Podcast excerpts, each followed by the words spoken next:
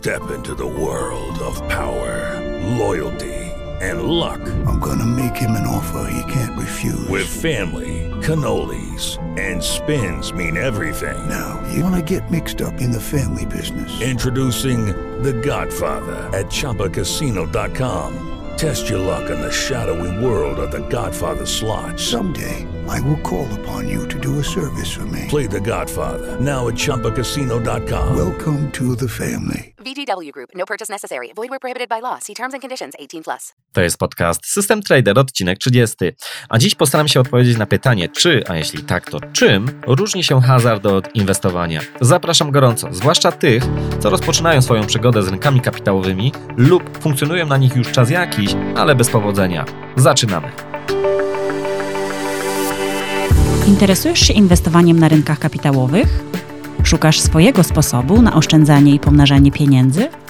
Zastanawiasz się, jak postawić swoje pierwsze kroki na giełdzie? Ponadto fakty, mity, wywiady i ciekawostki ze świata finansów. To i wiele więcej usłyszysz w podcaście System Trader. Zaprasza Jacek Lempart. Inwestowanie i hazard to dla wielu terminy będące antonimami, czyli przeciwieństwami. O ile w obu przypadkach zwykle mówi się o ryzyku, to jednak właśnie hazard ma być w jego zabarwieniu pejoratywnym, jest kojarzony z czymś negatywnym. I pewnie wielu, zwłaszcza w gronie mieniącym się inwestorami, obruszy się, gdy powiem, że inwestowanie ma bardzo wiele cech, no właśnie, hazardu. Mój podcast jest o finansach, o inwestowaniu, tradingu, a nie językoznawstwie.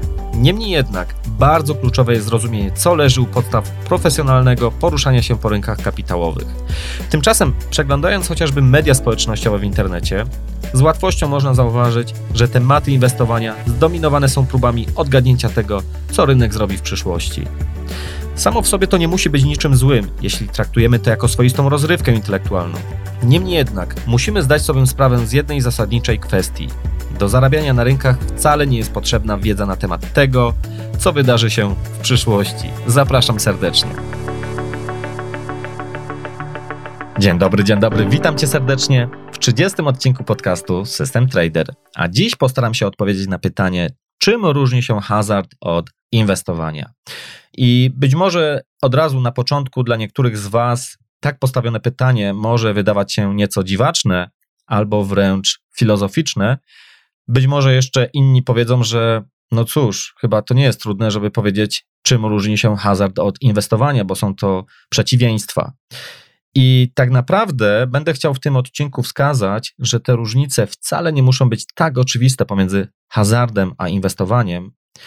I będę starał się wykorzystać ten odcinek do pokazania, co stoi u podstaw profesjonalnego poruszania się po rynkach kapitałowych, co stoi u podstaw profesjonalnego podejścia do inwestowania. Ale żeby nie przedłużać, może na początek zobaczmy, co mówi na temat słowa hazard i inwestowanie słownik języka polskiego. Jeżeli chodzi o słowo hazard, to znalazłem w słowniku języka polskiego dwa warianty definicji. Pierwszy wariant mówi, że hazard to gra lub zakład, w której stawką są pieniądze. Natomiast drugi wariant mówi, że hazard to ryzykowne przedsięwzięcie, którego wynik zależy od przypadku. Więc myślę, że dla większości potoczne rozumienie słowa hazard całkiem dobrze tutaj jest, że tak powiem, odpowiada temu, co mówi na ten temat słownik języka polskiego. Jeżeli chodzi o słowo inwestycja, to słownik mówi, że jest to przeznaczenie środków finansowych na powiększenie. Część dóbr która nie jest przeznaczona do bezpośredniej konsumpcji. Mówiąc inaczej, mamy jakieś pieniądze w kieszeni i zamiast je wydać tu i teraz na jakieś dobra, skonsumować, odkładamy te pieniądze czy dobra na przyszłość celem ich pomnożenia. Oczywiście najlepiej przez wartość większą od 1, czyli e, żeby powiększyć te dobra, a nie pomniejszyć w przyszłości. Natomiast to, czego mi brakuje w tej definicji słowa inwestycja, to to, że nic nie jest wspomniane o ryzyku. No oczywiście każdy chciałby móc zainwestować pieniądze i pomnożyć swoje, e, swój kapitał bez ponoszenia ryzyka, natomiast no, ryzyko zawsze jest, więc ja bym w tej definicji jeszcze chętnie widział to słowo, ale okej, okay, to nie jest w tym momencie nawet tak kluczowe. Chciałem tylko i wyłącznie pokazać, co mówi oficjalnie słownik języka polskiego na temat słowa hazard i słowa inwestycja. I w potocznym rozumieniu słowo hazard myślę, że jest całkiem bliskie temu, co mówi właśnie słownik języka polskiego. To znaczy, hazard e, w takim potocznym rozumieniu jest postrzegany po prostu jako coś ryzykownego, gdzie końcowy wynik jest uzależniony głównie od losowości, a nie umiejętności. Tutaj uważam, że to słowo umiejętność jest słowem wręcz kluczowym, bo wyobraźmy sobie, że mamy jakąś grę losową, której po prostu zwyczajnie nie ma sposobu na opracowanie żadnej strategii, która dawałaby nam przewagę, a w rezultacie możliwość regularnego czy też konsekwentnego zarabiania. Oczywiście możemy wygrać uczestnicząc w takiej grze losowej, e, grze hazardowej, ale nie dzięki naszym umiejętnościom, ale po prostu za sprawą zwykłego, ślepego trafu. I to jest też powód, dla którego zawsze pojawiają się chętni do tego e, typu e, gry. No bo nie trzeba mieć żadnych umiejętności, a można zupełnie ślepym trafem wygrać jakąś nagrodę. I tak rozumiany hazard jest zwykle uprawiany właśnie jako forma zabawy, jako forma rozrywki, chociaż oczywiście uczestniczenie e, w grach hazardowych może przyjąć formy patologiczne, gdzie ktoś po prostu popada w nałóg. Ale okej, okay, nie będziemy w tym odcinku mówić o nałogach hazardowych, chociaż y, jest to na pewno y, poważny kłopot dla wielu osób. Przykładem gry hazardowej, której nie mają znaczenia żadne umiejętności, E, jest na przykład amerykańska ruletka.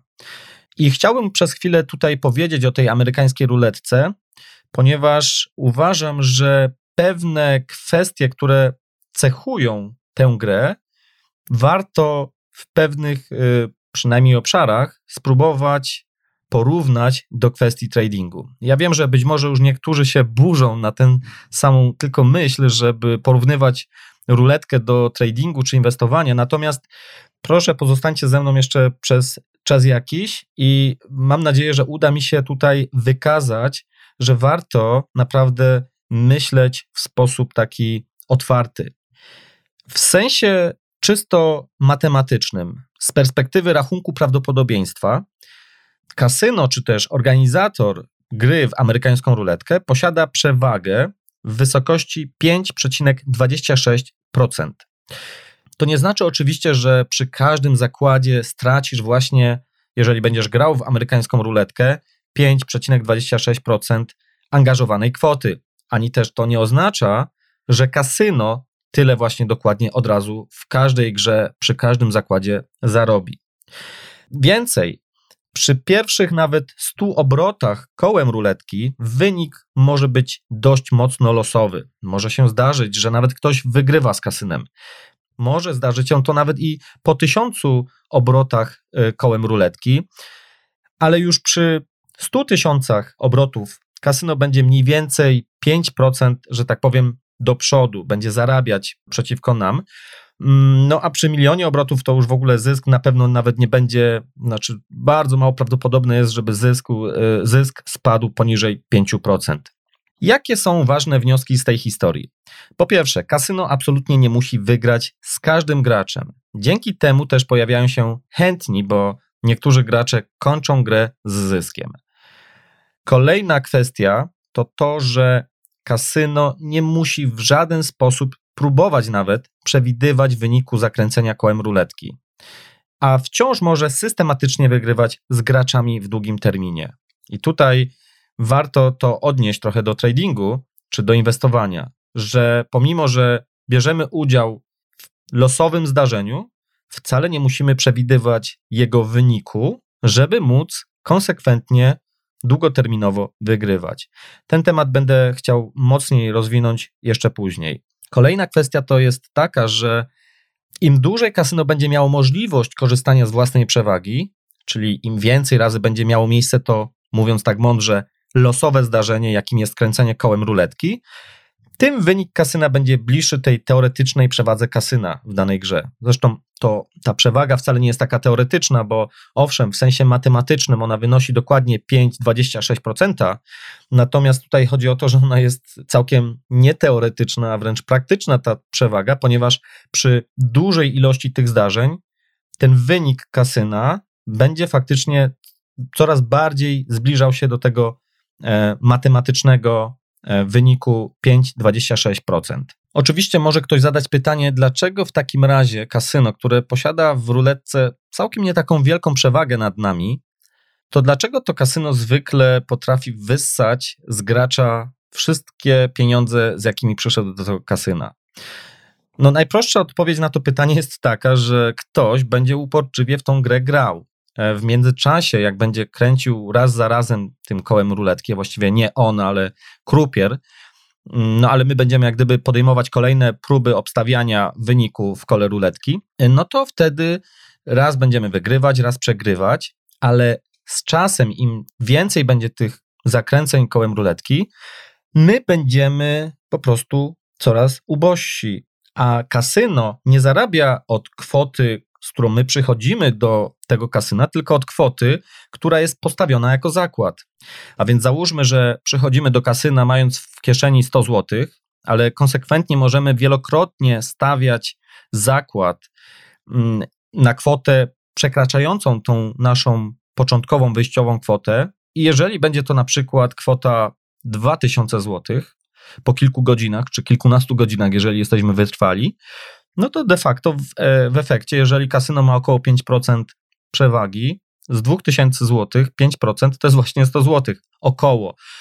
Tutaj ciężko e, o jakiś taki wynik jak w aptece, natomiast generalnie y, morał z całej tej historii jest taki, że uporczywe granie w grę, w której nie mamy przewagi, po prostu, nawet jeżeli chwilowo wygrywamy, jeżeli będziemy uporczywie to nadal kontynuować, kończy się w jeden sposób: po prostu przegrywamy i tracimy wszystko. Mówiąc jeszcze inaczej, jest bardzo, bardzo mało prawdopodobne, że jeżeli mamy 100 zł w kieszeni i za każdym razem na przykład stawiamy 5 zł jako zakład, żebyśmy taką grę przetrwali nadal z jakimikolwiek pieniędzmi w kieszeni, jeżeli zakręcimy 10 tysięcy razy tym kołem ruletki. Oczywiście to jest bardzo przerysowany obraz, bowiem prawdopodobnie nikt podczas jednej wizyty w kasynie nie byłby w stanie tyle razy zakręcić tą ruletką. Natomiast chodzi mi o to, że z punktu widzenia kasyna, im więcej tych zdarzeń losowych ma miejsce, im więcej razy dochodzi do zakręcenia tym kołem ruletki, tym kasyno jest bliższe swojego e, wyniku teoretycznego, czyli tego 5-26% nad nami. No i oczywiście podobnie jest w tradingu czy w inwestowaniu. Będę o tym mówił za chwilę więcej w szczegółach, ale jeżeli my podejmujemy decyzje rynkowe i nie mamy przewagi, to nawet jeżeli chwilowo coś wygramy, zarobimy, to tak naprawdę, jeżeli będziemy kontynuować to, to finalnie stracimy swoje pieniądze. Ale okej. Okay. Jest tutaj pewien problem z potocznym rozumieniem jednak słowa hazard i właśnie będę chciał na to zwrócić uwagę, ponieważ świat nie jest tak czarno-biały, jakby tego być może chciały definicje chociażby języka polskiego.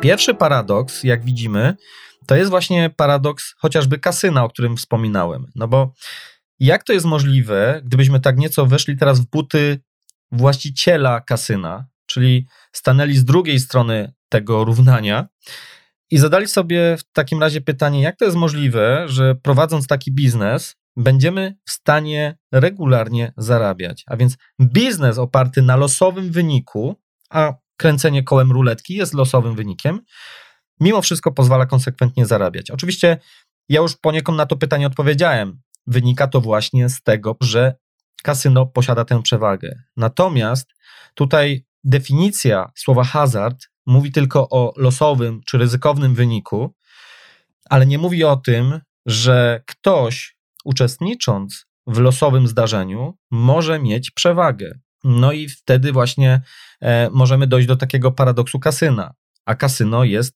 poważnym biznesem. Jak ktoś pojedzie do Las Vegas, to tam naprawdę funkcjonują bardzo poważne korporacje, które mm, mają za sobą ogromny kapitał i są w stanie regularnie wypracowywać zyski właśnie na losowych grach. Ale definicję słowa hazard można jeszcze tutaj zobaczyć z innej strony. Mianowicie występuje coś takiego jak hazard w formie profesjonalnej. I to jeszcze bardziej komplikuje, szczególnie takie potoczne rozumienie słowa hazard. Bowiem istnieją gracze, którzy profesjonalnie grają w gry hazardowe i regularnie są w stanie zarabiać. Istnieją gry, gdzie po prostu jest możliwość w pewnym sensie opracować czy posiadać strategię, która spowoduje, że przeciągniemy, czy taki gracz przeciągnie przewagę na swoją stronę, na swoją korzyść. I przykładem takiej gry może być na przykład poker albo e, blackjack. Blackjack, e, z tego co mówi przynajmniej literatura, mówię dlatego, ponieważ ja osobiście nie gram w blackjacka, daje prawdopodobieństwo wygranej, albo inaczej, przewagę kasynu mniej więcej na poziomie 3-4%, co oznacza, że na każde 100 postawionych dolarów kasyno jest w stanie zarobić około 3-4 dolary z tego, co stawia gracz. Natomiast problem z problem dla kasyna y, z grą w blackjacka jest taki, że jeżeli przyjdzie do kasyna człowiek, który ma strategię gry w blackjacka, w której jest w stanie przeciągnąć tą przewagę na swoją stronę, a są takie sposoby, między innymi poprzez tak zwane liczenie kart, to wtedy gracz może konsekwentnie zarabiać w kasynie grając w blackjacka. Zresztą polecam bardzo gorąco tym, którzy nie znają, zapoznać się z historią opisaną przez Eda Torpa w książce ze słynnej serii książek e, Jacka Schwegera Market Wizards, a konkretnie z tej serii, która jest poświęcona osobom czy ludziom, którzy prowadzą czy prowadzili swoje fundusze hedgingowe. I tam Edward Thorpe opisuje cudowną wręcz historię, jak w latach 60. wraz z Claudem Shannonem opracowywali metody gry, w, między innymi nawet w ruletkę, która, jak powiedziałem na początku, nie daje możliwości wypracowania przewagi, natomiast oni to zrobili powiedzmy w sposób, hmm, w cudzysłowie przynajmniej nielegalny, mianowicie poprzez to, że w latach 60. ci panowie, i to jest coś niesamowitego, opracowali komputer przenośny, który, jak pamiętam, chyba znajdował się w bucie, i ten komputer umożliwiał oszacować, w którym mniej więcej miejscu zatrzyma się kulka na kole ruletki.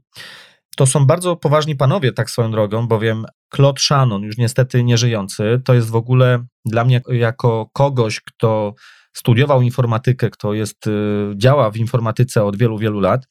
Claude Shannon to jest taki ojciec informatyki, ponieważ on e, jest twórcą teorii informacji. Sorry, taka mała dygresja. A więc y, on jako pierwszy w ogóle zauważył potrzebę czy zastosowanie dla zapisu binarnego, czyli tego zero-jedynkowego, który dzisiaj jest, że tak powiem, fundamentem informatyki. Mało tego, Claude Shannon budował właśnie komputery, między innymi właśnie na potrzeby gry w kasynie, gdzie e, chcieli sprawdzić wraz z Edwardem Torpem swoją przewagę. I między innymi Edward Thorpe opisał też w książce, jak można stosować strategię do gry w Blackjacka, w której jesteśmy w stanie przeciągnąć przewagę na swoją stronę. Także bardzo, bardzo polecam Edward Thorpe i Claude Shannon. Ja na swojej stronie systemtrader.pl ukośnik 030 również postaram się podlinkować coś, jeżeli ktoś będzie chciał zgłębić ten temat. Zresztą na stronie też y, właśnie, y, którą przed chwilą wspomniałem, do tego odcinka postaram się podlinkować film na YouTubie takiej bardzo sympatycznej pani, która nazywa się Liv Bory i ona jest zawodową pokerzystką. W 2010, jeśli dobrze pamiętam, była mistrzynią świata w pokerze. I jest tam krótki 5-6 minutowy filmik, w którym ona w bardzo przystępny sposób opowiada o takich kwestiach jak e, właśnie przypadek, prawdopodobieństwo, ale właśnie oczami profesjonalnego gracza w pokera, gdzie dla nieprofesjonalnego gracza może się wydawać, że tutaj rządzi przypadek, losowość, tak naprawdę e, oczami profesjonalisty ten świat wygląda zupełnie inaczej. Ale okej, okay, koniec już dygresji na temat e, Edwarda Torpa, Claude'a Shannona. Wracamy do clue tego odcinka. Wspomniałem już kilka kwestii, które są dość problematyczne, jeżeli chodzi o myślenie o słowie hazard, czy myślenie nad definicją słowa hazard. Ale jakbyśmy poszli jeszcze dalej, to spójrzmy na to, że nasze życie jest całe usłane niepewnością i ryzykiem. E, I, I to bez potrzeby wchodzenia do kasyna, czy wręcz otwierania rachunku maklerskiego. A więc tym wszystkim, co charakteryzuje według definicji właśnie hazard. No i można by tak przewrotnie zadać pytanie, czy zatem życie jest również hazardem? No bo przykładowo, możemy prowadzić zdrowy tryb życia, a mimo wszystko możemy mieć pecha i zachorować na bardzo rzadko występującego raka. Albo może bardziej przyziemny przykład, a może mniej depresyjny przede wszystkim. Otwieramy własną firmę. Angażujemy swój czas, swój kapitał, podejmujemy jakieś ryzyko, ale wciąż wynik na końcu z tych naszych działań jest niepewny. Powiedziałbym, że nawet jest jeszcze gorzej, ponieważ zakładam, że każdy, kto otwiera firmę, nie robi tego na przysłowiową pałę, tylko stara się opracować jakąś strategię, jakiś plan działania. I problem w tym, że opracowanie nawet najlepszej strategii rozwoju naszej firmy nigdy nie wyeliminuje do końca ryzyka. I ten pierwiastek przypadku, e, tego przypadku, który będzie wpływał na nasz końcowy wynik, zawsze będzie obecny w tej naszej działalności. I przez przypadek rozumiem tu jako zdarzenia, na które nie mamy żadnego wpływu. No i znów można by zadać zatem pytanie, czy otwarcie firmy, prowadzenie biznesu również jest hazardem? Oczywiście można robić sobie tutaj takie żarciki, że jeżeli do tej gry zapraszamy w tym momencie um, Urząd Skarbowy i ZUS i jeszcze kilka innych y, instytucji państwowych, to jak najbardziej robi się z tego hazard, ale odrzucając y, żarty na bok, tak naprawdę chciałem wskazać tylko na to, że nawet najlepszy plan zawsze będzie w jakiś sposób pod wpływem zupełnego przypadku. I to po prostu no, nie ma siły. Tak po prostu się dzieje. Tak po prostu jest. Tak to wygląda. No ale właśnie, no to spróbujmy jednak odpowiedzieć na to pytanie, czym różni się hazard od inwestowania, albo jak tutaj ma się to szczęście w procesie inwestycyjnym versus naszym umiejętnościom. Bo tak naprawdę, e, według mnie, problemem nie jest to, z jakiego słowa będziemy korzystać. Czy będzie to hazard, a jak wiemy, jest hazard w wydaniu profesjonalnym, czy będziemy mówić usilnie, że inwestujemy, jesteśmy inwestorami. I ja nie jestem językoznawcą, więc nie będę tutaj też e, kruszył kopii o słowa. Natomiast to, co jest istotne, to nie jest to, co robimy, ale jak to robimy. I bardzo kluczowe jest to, czy nasze decyzje, czy nasza strategia, którą się posługujemy, posiada przewagę, albo czy w ogóle posiadamy jakąkolwiek strategię.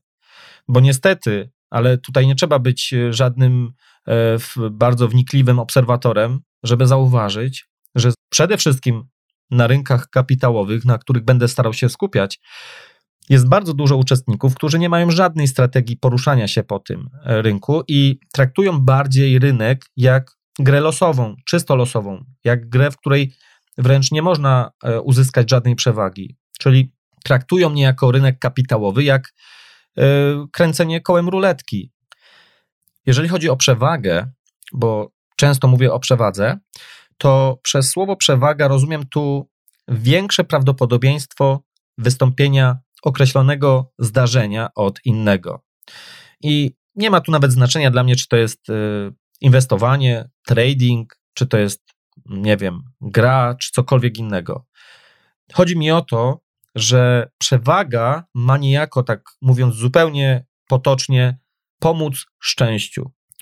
Natomiast, o czym już też mówiłem, przewaga musi mieć szansę do zadziałania.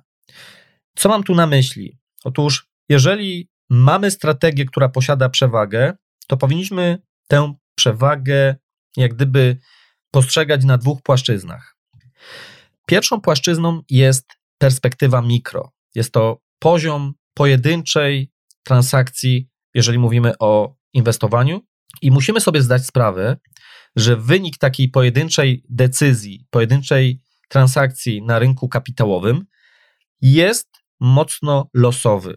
I wiem, że tu znów w tym momencie wielu może się bardzo mocno obruszyć, jak to jest losowy wynik, jeżeli ja przeprowadziłem świetną analizę rynku, więc nie po to to robiłem, żeby mój wynik był losowy. Chodzi o to, że absolutnie, jeżeli chodzi o kwestie podejmowania decyzji rynkowych, powinniśmy schować nasze ego na bok. Tu nie chodzi o posiadanie racji. Dlatego, że zaledwie jedna nieznana zmienna, nieznana nam w momencie, kiedy my robiliśmy analizę naszego rynku, czy w momencie, kiedy nasza strategia mówiła nam na przykład kupuj akcje spółki X, to dosłownie jedna taka nieznana zmienna może całkowicie zmienić końcowy wynik, może zmienić obraz rynku. I może to być dosłownie nawet jeden uczestnik rynku, o czym my nie mieliśmy prawa nawet wiedzieć w momencie realizowania naszej analizy. Dlatego też z tego punktu widzenia wynik naszej transakcji na poziomie mikro, tej pojedynczej transakcji, jest zawsze bardzo mocno losowy, nawet jeżeli mamy bardzo mocną przewagę w kieszeni. Bowiem dopiero seria decyzji, czy seria transakcji, czyli przechodząc na ten poziom, że tak powiem, makro, to dopiero tam ujawnia się nasza przewaga. Powinna się ujawnić, jeżeli ją mamy, e, że tak powiem, kolokwialnie w kieszeni. I oczywiście to znów nie oznacza, że mając przewagę, na pewno przy po 10 czy po 100 nawet transakcjach będziemy na plusie, będziemy e, generować zyski. Wynik jest prawdopodobny, ale nigdy nie jest pewny. Dlatego też nie ma znaczenia w gruncie rzeczy, czy my tutaj jesteśmy inwestorami długoterminowymi, czy krótkoterminowymi, czy opieramy naszą analizę na podstawie analizy fundamentalnej czy analizy technicznej. Żeby zarabiać, musimy mieć zawsze, w każdym przypadku, przewagę. Tu nie chodzi o myślenie życzeniowe, że ktoś sobie na przykład kupi jakąś spółkę, która według niego jest właśnie, jak to się często popularnie mówi, zdrowa fundamentalnie, a później powie: Nie ma dla mnie znaczenia kurs akcji tej spółki, zarabiać będę na dywidendach. No, brzmi bardzo fajnie. Ale jeżeli to jest wszystko, co taka osoba ma do powiedzenia, to może się okazać, że to nie jest żadna strategia, tylko jak powiedziałem, myślenie życzeniowe. Co gorsza, osoba, która tak mówiła na początku, kupując daną spółkę, może całkowicie zmienić swoje zdanie w momencie, kiedy faktycznie na rynku zawitają ogromne spadki i nagle portfel takiego delikwenta spadnie o 50%. Wtedy to, co wydawało mu się jeszcze przy kupowaniu spółki, wydawało mu się całkiem fajnym pomysłem, bo w końcu przecież na bieżąco będzie miał wypłacane dywidendy, więc kurs akcji może sobie fluktuować i nie ma znaczenia. Ale jak faktycznie taki scenariusz się zrealizuje, to taki człowiek może całkowicie inaczej już postrzegać rzeczywistość. Dlatego też y, słowa Warrena Buffetta tutaj są idealne do takiego przypadku, bowiem powiedział kiedyś coś takiego, że inwestowanie jest proste, ale nie jest łatwe. I o tym też będę chciał więcej powiedzieć w tym odcinku, także zachęcam do pozostania ze mną.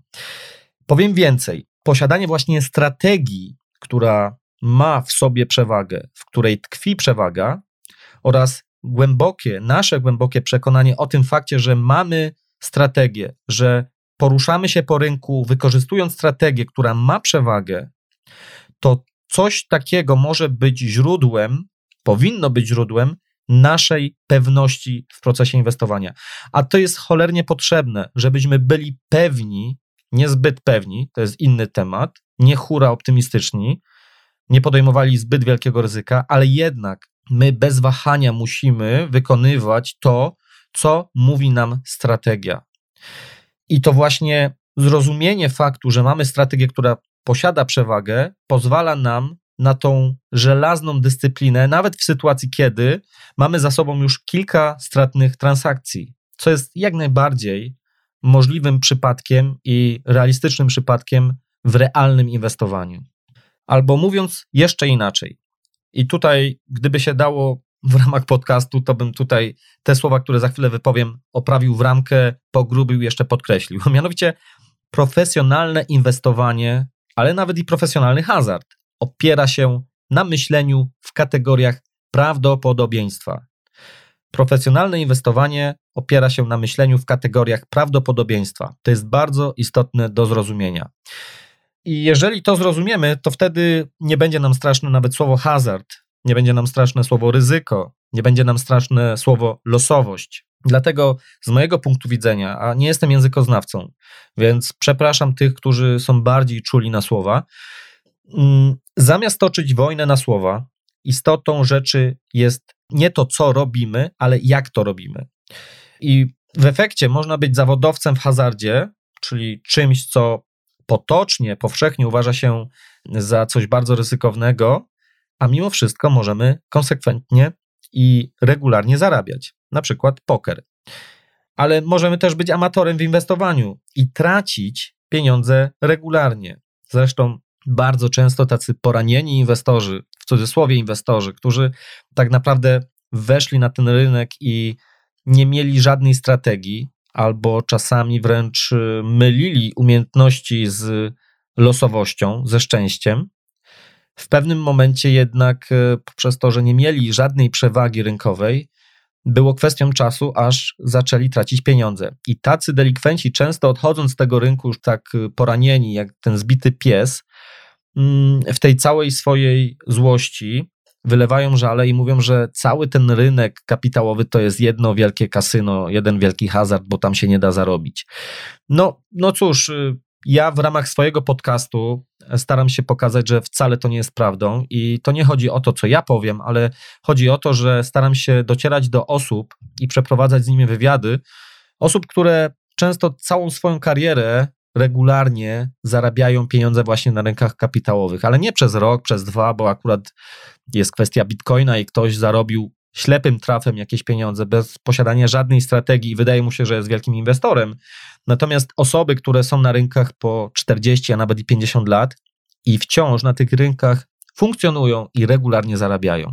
Więc gdyby to było czysto losowe, to niech sobie każdy odpowie, czy przez 50 lat można mieć farta regularnie zarabiać na tych rynkach.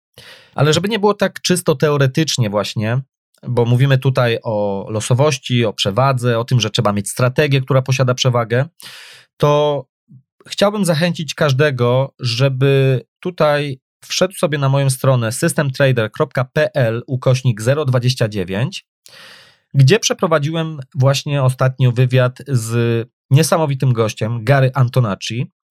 I Gary Antonacci prezentuje tam w tym wywiadzie bardzo prostą, algorytmiczną, długoterminową strategię.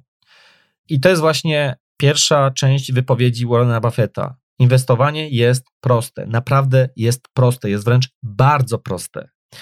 I jak sobie wejdziecie na tą stronę, gdzie jest wywiad z Garym Antonacci, to możecie sobie przeskrolować mój wstęp i tak dalej. Nie musicie nawet słuchać wywiadu z Garym Antonacci, a możecie przejść tylko do akapitu, gdzie w kilku dosłownie punktach jest zapisany prosty algorytm długoterminowej strategii. Strategii, która przez ostatnie 70 lat niemalże zarabiała całkiem przyzwoite pieniądze, około 15% uśrednione w skali roku przez 70 lat. Także nie trzeba naprawdę żadnych cudów, jak to się mówi. I to może zrobić każdy w warunkach domowych. I co istotniejsze jeszcze nawet być może w całej tej historii, spędzając na to dosłownie minutę, dwie w miesiącu. Naprawdę, coś niesamowitego. Natomiast niestety jest też druga część wypowiedzi Warrena Buffetta, że inwestowanie nie jest łatwe, ale to jest temat na inną historię. Jeszcze postaram się nieco o tym powiedzieć w tym odcinku.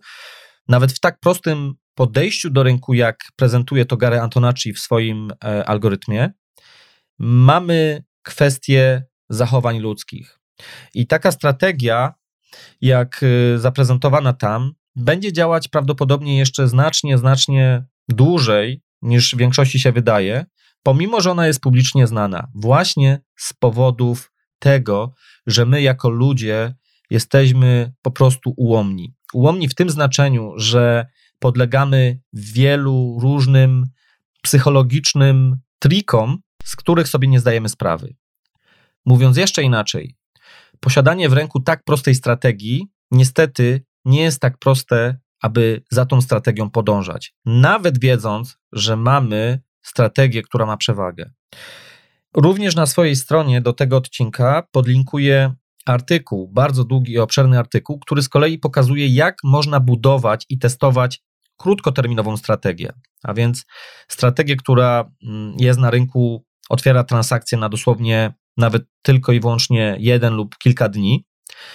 I jest tam cały proces od A do Z, jak taką strategię zbudować, jak taką strategię wytestować, jak taką strategię zastosować na rynku, jak zmierzyć przewagę takiej strategii, a więc same praktyczne kwestie, co to znaczy przewaga na rynku kapitałowym.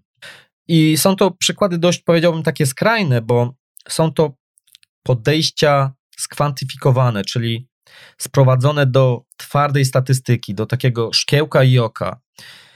A w życiu przewaga nie zawsze da się w tak jednoznaczny sposób skwantyfikować, opisać, sprowadzić do zapisu algorytmicznego. No, chociażby prowadzenie firmy. Oczywiście my musimy mieć strategię, natomiast ciężko taką strategię zapisać jednoznacznym algorytmem. Ale to znów temat na inną okazję.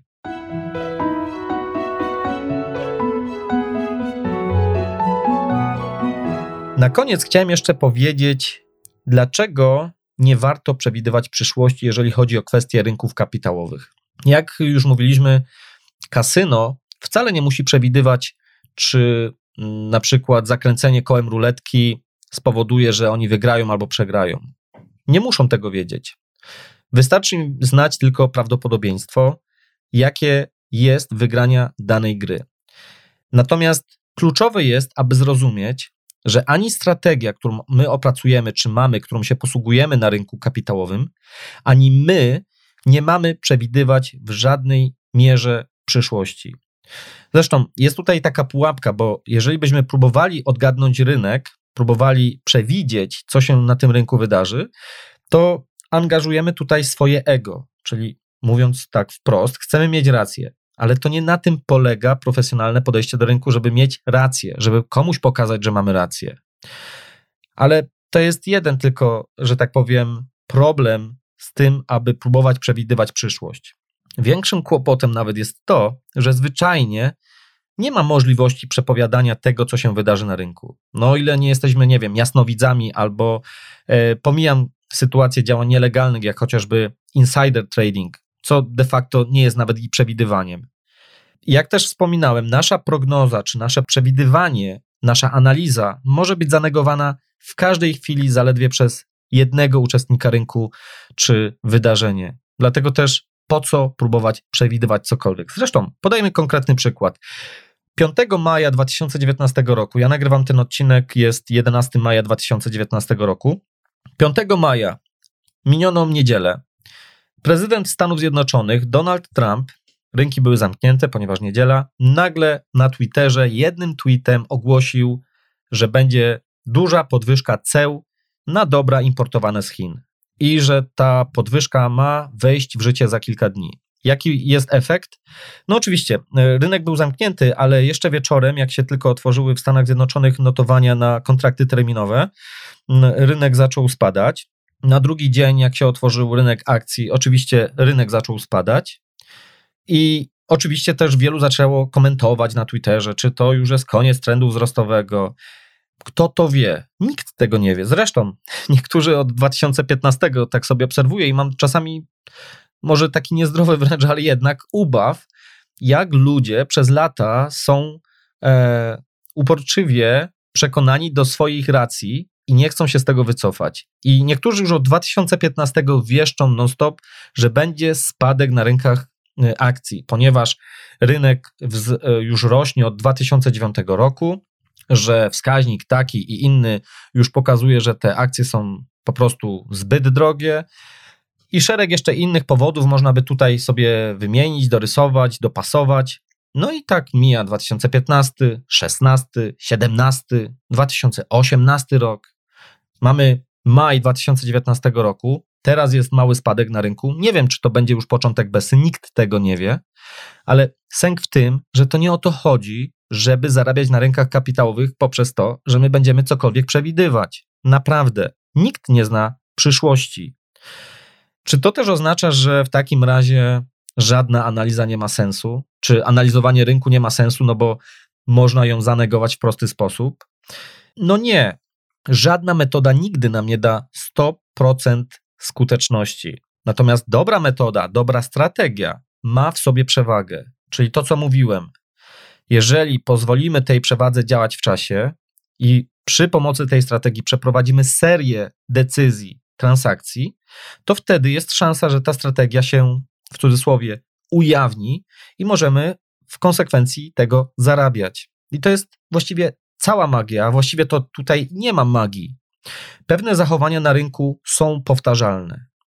I to jest fakt, i, i jeżeli ktoś temu chce przeczyć, no to cóż, mogę tylko współczuć. Ja sam na swojej stronie dałem kilka dowodów na to, jak rynki można skwantyfikować, jak można na rynku pokazać pewne powtarzające się wzorce i jak można na podstawie takiej wiedzy budować swoją przewagę na rynku, a następnie ją konsekwentnie wykorzystywać. I to nie jest żaden storytelling, to nie jest żadna, e, żadne bajkopisarstwo. My, jako ludzie, niestety chętniej słuchamy takich historii, gdzie ktoś opowiada, że na przykład teraz warto kupować ETF na, nie wiem, słyszałem tam ostatnio jakieś pierwiastki ziem rzadkich, whatever. No i oczywiście za tym idzie cała historia, bo tam są, nie wiem, e, wojny handlowe, są Chiny i jeszcze to i tamto. Jeżeli my naprawdę nie jesteśmy ekspertami w tej tematyce, ja bym tego nie kupował, ale oczywiście ludzie to kupują. Kupują nie tylko historię, ale i kupują później te ETF-y, czy zajmują pozycje. Im taka historia jest lepiej opowiedziana, ma ciekawsze, że tak powiem, story, no to wtedy ludzie chętniej w to wierzą i też bardzo często widać, że chętnie wymieniają się takimi informacjami i chętnie komentują takie teksty. Natomiast jak mamy z drugiej strony czystą statystykę, twardą statystykę, twarde liczby i coś prostego i logicznego, to ludzi to zwykle nie rusza. No i można by powiedzieć, no to trochę źle dla mnie na przykład, bo nagrywam podcast o takich kwestiach właśnie bardziej e, opartych na statystyce, bo po prostu na to mało chętnych jest, żeby słuchać. No, w pewnym sensie tak, zgadza się. Natomiast y, jest też druga strona monety, tak będąc nieco złośliwym, dzięki temu, że ludzie tak działają, te pewne rzeczy na rynku są po prostu nieefektywne i można je konsekwentnie wykorzystywać, co ja też z kolei będę konsekwentnie starał się Wam pokazywać u siebie na blogu i w podcaście. Ale wracając jeszcze do tego przewidywania rynków. Otóż jest tutaj też taka pewna pułapka, jaka czyha na ludzi, i prawdopodobnie wpadło w nią większość osób, które weszły kiedyś na rynek kapitałowy z chęcią tam zarabiania. Otóż ktoś, kto usilnie stara się przewidywać ten rynek i no oczywiście tym samym stara się mieć rację, tym bardziej jak to robi jeszcze publicznie, prawda?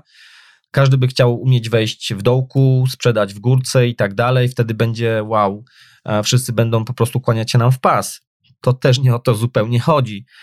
Natomiast problem jest taki, że jak ktoś wtopi w cudzysłowie raz za razem, bo to przewidywanie mu nie wyszło, to ktoś stara się jeszcze bardziej rozbudować swój warsztat analityczny, jeszcze bardziej stara się poznać rynek, jeszcze stara się więcej czytać na jakiś temat. Mówiąc krótko, dochodzimy do punktu, w którym wydaje się nam, że mamy coraz lepszą kontrolę nad tym, co rynek może zrobić, bo my więcej o tym rynku wiemy. I to jest taka czarna dziura analizy. Naprawdę. Możemy robić to do końca świata i jeszcze jeden dzień dłużej, ale wcale nie przybliży nas to ani o włos do tego, żeby na tych rynkach zarabiać. Na pewno na podstawie takiej wiedzy będziemy mogli tworzyć lepsze historie, będziemy mogli uprawiać lepszy storytelling i być może jako pisarze o takich kwestiach będziemy mogli zarabiać fajną kasę. Natomiast na pewno nie uczyni z nas to lepszych inwestorów. Po prostu to nie o to chodzi. Nie chodzi o storytelling. Jedna osoba może wywrócić naszą decyzję o zawarciu jakiejś transakcji. To nie znaczy, że na przykład ktoś powie, analiza techniczna nie działa, bo jeden gość może zanegować jakiś sygnał. Nie, analiza techniczna to nie jest coś, co daje 100% pewności, jeżeli otwieram jakąś transakcję w oparciu o jej sygnał. To jest narzędzie, które, żeby miało sens w zastosowaniu, musimy to postrzegać przez pryzmat rachunku prawdopodobieństwa. I tyle. Natomiast y, większość na rynku tego naprawdę nie rozumie. No i bardzo łatwo tutaj e, właśnie powiedzieć coś takiego, że analiza techniczna nie działa, bo jeden gość może po prostu rynek wywrócić. No tak, ale to, to nie tylko jest problem analizy technicznej w takim kontekście. To jest problem każdego typu analizy. Po prostu przyszłości się nie da przewidzieć. Dlatego jeszcze raz bardzo zachęcam do odwiedzenia mojej strony i nawet jeżeli ktoś, ponieważ nie ma tłumaczenia, nie będzie słuchał wywiadu z Garym Antonacci, to żebyś się zapoznał z tym, jak wygląda w praktyce prosta, efektywna, zarabiająca strategia długoterminowa. I to są tutaj na to twarde dowody. 70 lat. E, co więcej, tak jak też powiedziałem, ta strategia będzie działać. Więc jeżeli ktoś chce, proszę się częstować i e, zachęcam do edukacji, bo to, że tak jak powiedziałem, strategia jest prosta, to nie znaczy, że jest łatwa, tak jak z inwestowaniem, bo jeżeli my nie zrozumiemy naprawdę o co w tym chodzi, nie zrozumiemy przesłania tego wszystkiego, to my taką strategię porzucimy prawdopodobnie bardzo szybko przy pierwszym jakimś tąpnięciu na rynku, kiedy w naszym portfelu nagle zacznie topnieć kapitał. Pomimo, że wszystko jest jak najbardziej ok jest to element tej strategii, bo musimy mieć świadomość, że oczywiście na rynku kapitałowym nie jesteśmy w stanie zarabiać liniowo cały czas 100% transakcji. Dlatego już przechodząc do końca tego odcinka, chciałbym podkreślić, że to, co jest kluczowe, to zrozumieć, że profesjonalne inwestowanie to gra liczbowa oparta na prawdopodobieństwie. I przewidywanie nie ma najmniejszego sensu, bo to tak jakbyśmy starali się, może taka przyszła mi do głowy myśl, próbować przewidywać rzut monetą. Wyobraźmy sobie jakiegoś eksperta od rzutu monet, który będzie nagle wszemi wobec pisał artykuły i tworzył analizę do tego, czy rzut monetą spowoduje, że wypadnie orzeł albo reszka. I będzie wszędzie o tym pisał, na Facebooku, na blogu, nagra może jeszcze podcast, yy, będzie tweetował, a wszyscy będą komentować i się zastanawiać, no tak, w zależności co gość może zjadł, który rzucał tą monetą, bo być może mniej lub bardziej kaloryczne jedzenie, więc rzucił mocniej lub słabiej, co może mieć wpływ na to, czy wypadnie orzeł, czy reszka. To jest po prostu totalny absurd i specjalnie sprowadzam to do poziomu absurdu, bo my nie jesteśmy w stanie przewidzieć, czy przy rzucie monetą wypadnie nam orzeł, czy reszka. Ale jesteśmy w stanie powiedzieć z bardzo dużą precyzją, ile wypadnie orłów i ile wypadnie reszek po na przykład 100 tysiącach rzutów. I powiemy, że z dużym prawdopodobieństwem przy normalnej, zwykłej monecie będzie to około 50-50, że będzie po połowie, pomimo że nie jesteśmy w stanie przewidzieć, jaki jest wynik rzutu monetą przy kolejnym rzucie. I podobnie jest w inwestowaniu. My nie jesteśmy w stanie stwierdzić, jaki będzie wynik naszej najbliższej transakcji. My wiemy, że mamy przewagę i mamy większe szanse sukcesu, ale nie mamy pewności. Ale wiemy, że jeżeli będziemy mieć odpowiednio dużo transakcji i mamy tą przewagę i ją będziemy utrzymywać w kieszeni, to też powinien być wynik, który nas usatysfakcjonuje. Jeśli w swoim podejściu do rynku, do inwestowania, do tradingu nie kierujemy się strategią, która posiada przewagę, albo poruszamy się po rynku nie posiadając żadnej strategii, to tak jak rozumiemy potocznie słowo hazard, można powiedzieć, że uprawiamy hazard. Ale mówię w słowie potocznym, dlatego że jak już wiemy, hazard można uprawiać profesjonalnie i paradoksalnie może się okazać, że profesjonalista w hazardzie będzie zarabiał, a my, mieniący się inwestorami, będziemy konsekwentnie tracić pieniądze, czyli de facto my będziemy tymi w potocznym rozumieniu hazardzistami. Dlatego warto mieć otwarty umysł. Z mojej strony to naprawdę na dziś wszystko. E, zapraszam na stronę systemtrader.pl ukośnik 030, gdzie znajdziesz zapis tekstowy tego podcastu oraz dodatkowe materiały i linki. Będę bardzo wdzięczny za dzielenie się moimi materiałami z innymi, bo to jest coś, co będzie pomagało mi w tym, aby tworzyć kolejne materiały, aby zapraszać kolejnych znamienitych gości. Ja naprawdę staram się tutaj iść nie na ilość, a na jakość, bo uważam, że merytoryka to jest coś, co może nie działa szybko jako strategia rozwoju dla podcastu, ale coś, co jako podejście takie długoterminowe jednak będzie się opłacało. A przede wszystkim ja będę miał też taką satysfakcję, jeżeli ktoś dzięki moim materiałom naprawdę zrozumie coś więcej i coś dzięki temu będzie w stanie w swoim życiu zmienić na plus. Także bardzo będę wdzięczny, jeżeli będziesz mógł się podzielić moim materiałem z kimś innym, czy powiedzieć o tym, że jest coś takiego jak mój podcast i mój, moja strona. Zachęcam również, y, żeby wejść na moją stronę i pozostawić jakiś komentarz, ewentualnie wejść y, na mojego fanpage'a i tam coś skomentować. Także pozdrawiam serdecznie, życzę wszystkiego dobrego i do usłyszenia niebawem. Bye bye.